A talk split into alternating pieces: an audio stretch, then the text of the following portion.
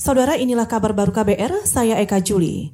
Menteri Agama RI Fahrul Razi kembali mengimbau masyarakat yang beragama Islam untuk merayakan Hari Raya Idul Fitri 1441 Hijriah di rumah saja, baik dalam melaksanakan ibadah maupun silaturahmi. Dalam siaran langsung melalui YouTube BNPB Indonesia kemarin, ia menyampaikan hal itu sebab mengikuti prediksi dari intelijen. Intelijen memprediksi bahwa kita kalau tidak melakukan kegiatan yang apa pembatasan yang ketat pada selama Idul Fitri, angka pasti akan melonjak naik lagi.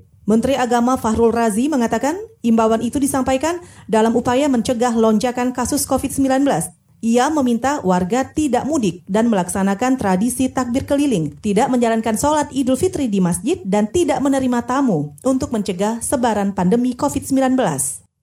Saudara Ketua Masyarakat Transportasi Indonesia Agus Taufik Mulyono mendorong pemerintah tegas melarang warga untuk mudik. Ini untuk mencegah pergerakan virus. Ia khawatir jika para pemudik kembali ke perantauan, maka akan menimbulkan gelombang penularan baru. Bahwa MTI sangat melarang, mohon pada pemerintah untuk melarang arus balik dan meminta kepada pemerintah daerah mencegah mereka untuk balik. Tentu daerah juga harus ada konsekuensi itu, memikirkan jalan keluarnya bagi mereka yang tidak balik. Ketua Masyarakat Transportasi Indonesia Agus Taufik Mulyono juga menambahkan, konsekuensi dari peraturan pelarangan arus balik adalah daerah harus siap menanggung masyarakat dari kota itu.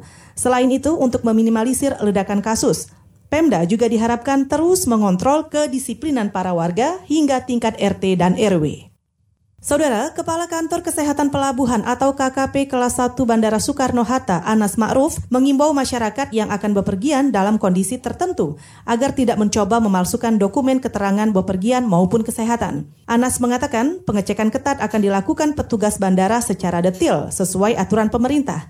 Ia memastikan cross-check dan validasi akan dilakukan apabila dokumen yang diperiksa meragukan pastikan bahwa ketika melakukan perjalanan dalam kondisi sehat, dalam kondisi sehat.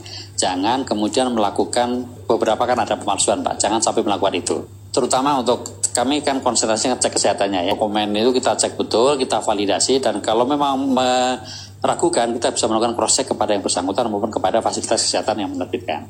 Artinya sekali lagi bahwa jangan sampai kemudian menggunakan surat keterangan palsu, baik itu surat keterangan kesehatan maupun juga hasil tes cepatnya. Kepala Kantor Kesehatan Pelabuhan atau KKP kelas 1 Bandara Soekarno-Hatta, Anas Ma'ruf juga mengingatkan kepada masyarakat agar membawa dokumen yang lengkap, baik dokumen perjalanan, dokumen kesehatan juga identitas diri saat akan bepergian melalui bandara. Menurutnya, protokol pengamanan dan pemeriksaan dilakukan secara cermat oleh petugas sehingga masyarakat diminta agar patuh dan taat terhadap aturan bepergian saat pandemi COVID-19.